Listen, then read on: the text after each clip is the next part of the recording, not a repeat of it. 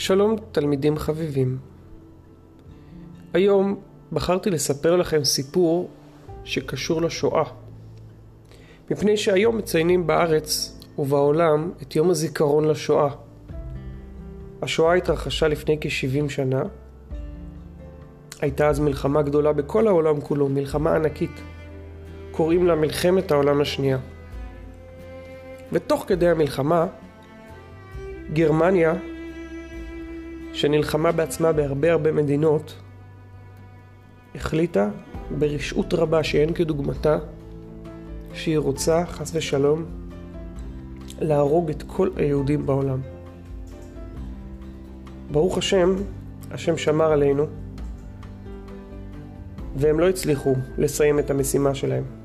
אבל לצערנו הם הרגו הרבה מאוד יהודים.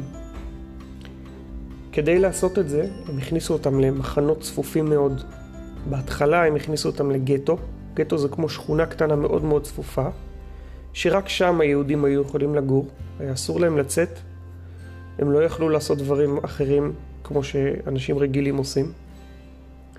ואחר כך, כשהמלחמה התקדמה עוד יותר, הם שלחו אותם למחנות. המחנות הללו היו צריפים גדולים, האסירים חיו שם בתנאים מאוד מאוד מאוד קשים, בלי שום חפצים אישיים, בלי שמות, רק עם מספרים. היו מקבלים מנה מאוד קטנה של לחם ומים דלוחים כל יום, ומזה הם חיו. אז הסיפור הבא שאני רוצה לספר לכם, מספר ילד קטן בשם ניסן. היום הילד הזה קוראים לו הרב ניסן מינגל, והוא סבא כבר לנכדים, ברוך השם חי באמריקה. ויש לו משפחה גדולה,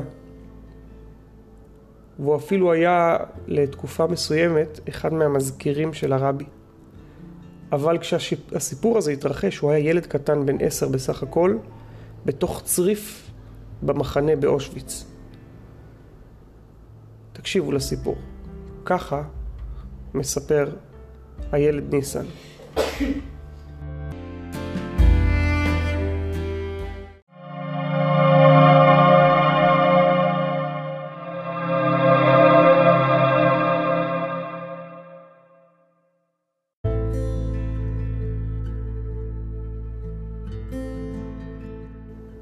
היה זה ערב רגיל ככל הערבים. שכבנו על הדרגשים. דרגשים זה כמו מדפים קטנים מעץ. מיטות לא היה להם, היה להם לישון על מדפים כאלה, אחד על השני. 1,200 אסירים יהודים דחוסים בצריף אחד. לפתע, בשעה שמונה בערב, פשטה שמועה. היום פסח. איך הם ידעו שהיום פסח? אי אפשר לדעת. לאיש מאיתנו לא היה לוח שנה, או כל קשר עם העולם החיצון. במחנה הנאצים הפשיטו אותנו כביום היוולדנו, ולקחו מאיתנו את כל החפצים שלנו. עד היום אינני יודע מי זכר וחישב כי זה היה חג החירות. חיש מהר, קפצו כולם מהדרגשים, והתיישבנו יחדיו במרכז הצריף. מצות לא היה בכלל, אבל מרור, מרור היה לנו בשפע.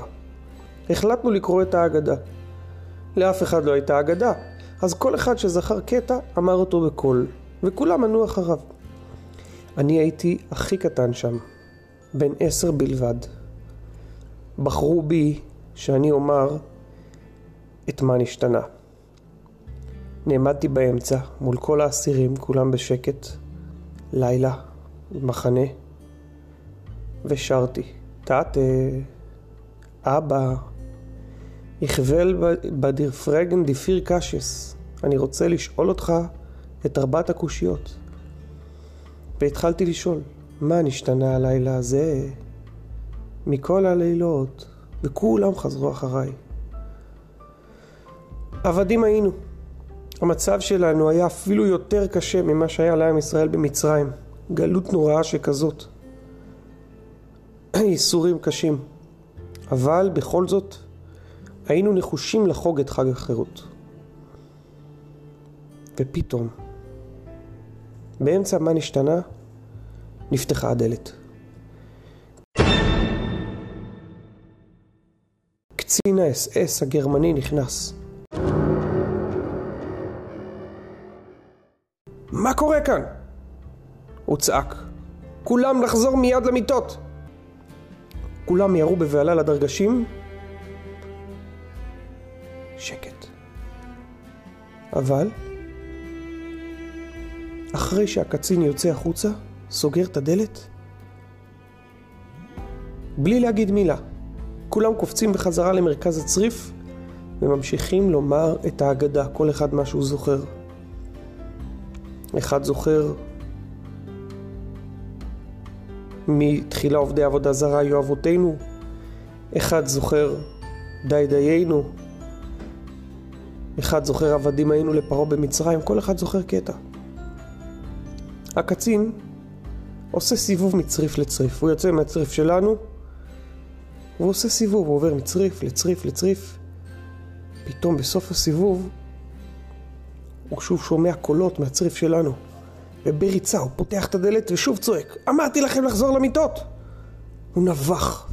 אם תצאו מהמיטות שוב, אני אירה בכולכם. הוא החזיק את הרובה שלו ביד. ידענו שזה לא היה סתם איום. הוא לא אמר סתם, עבור הנאצים להרוג יהודי היה דבר של כלום. כשאני הורג יתוש, אומר הרב מינדל, אני מרגיש יותר נקיפות מצפון, ואני חושב על זה יותר ממה שהם חשבו כשהם הרגו יהודי זמן קצר לפני זה. הקצין יוצא,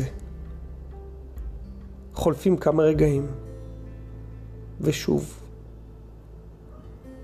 כאילו יש הסכמה. אף אחד לא אומר מילה, אבל כולם יוצאים שוב פעם מהדרגשים, יורדים לאמצע הצריף, וממשיכים לקרוא את ההלל של ההגדה. בלי מצע, בלי חרוסת, עם הרבה הרבה הרבה מרור. ידענו היטב כי זה סכנת נפשות. זה לא היה סתם איום. הוא יכול בכל רגע לחזור והחיים שלנו בסכנה.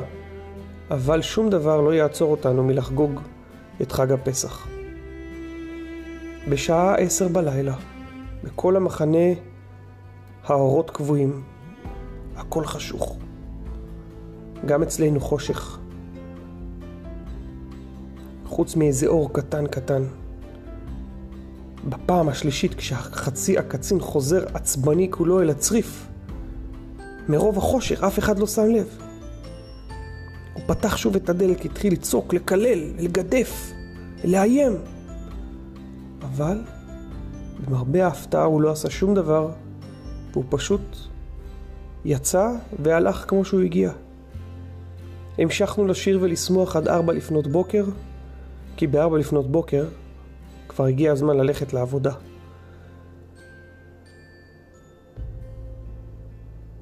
למרבה הנס הוא לא עשה שום דבר, הקצין הזה.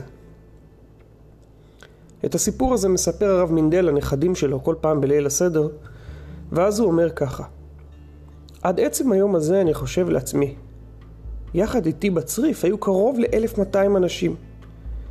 רבים מהם היו יהודים שלא שומרים מצוות, יהודים שהם אפילו לא קראו לעצמם יהודים מאמינים.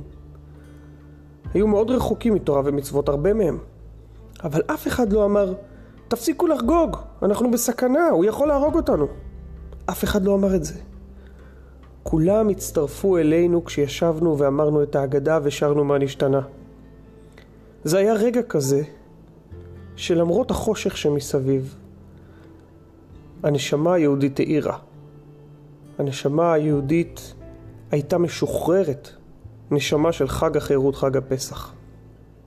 עד כאן הסיפור של הרב מינדל, ואני אשלח גם תמונה שלו שתראו את האיש, היום הוא כמובן כבר סבא, עם הדרת פנים, עם זקן לבן מיוחד, ויש לו סיפורים מאוד מיוחדים על התקופה שהייתה שם. ואנחנו לומדים מסר מהסיפור היפה הזה, על כך שבכל מצב יהודים תמיד שמרו על הניצוץ שלהם, על האור האלוקי שבתוכם, על היופי של הנשמה שלהם, גם בזמנים מאוד קשים. אנחנו ברוך השם היום במצב הרבה יותר טוב, כאן בארץ ישראל, יש לנו הכל, בית, ואנחנו ברוך השם בריאים. יש בחוץ מגפה, זה לא נעים. ברוך השם כבר המצב גם קצת יותר טוב כאן בארץ, ואולי עוד מעט כבר נחזור ללימודים. אבל הסיפור הזה מלמד אותנו שיש שני דרכים להסתכל. אפשר להגיד, מי בכלל רוצה לחגוג פסח בכאלה מצבים נוראים? כמו שהיה שם בזמן של השואה. אבל אפשר להגיד שגם במצבים הכי גרועים תמיד יש אור ותמיד יש יופי.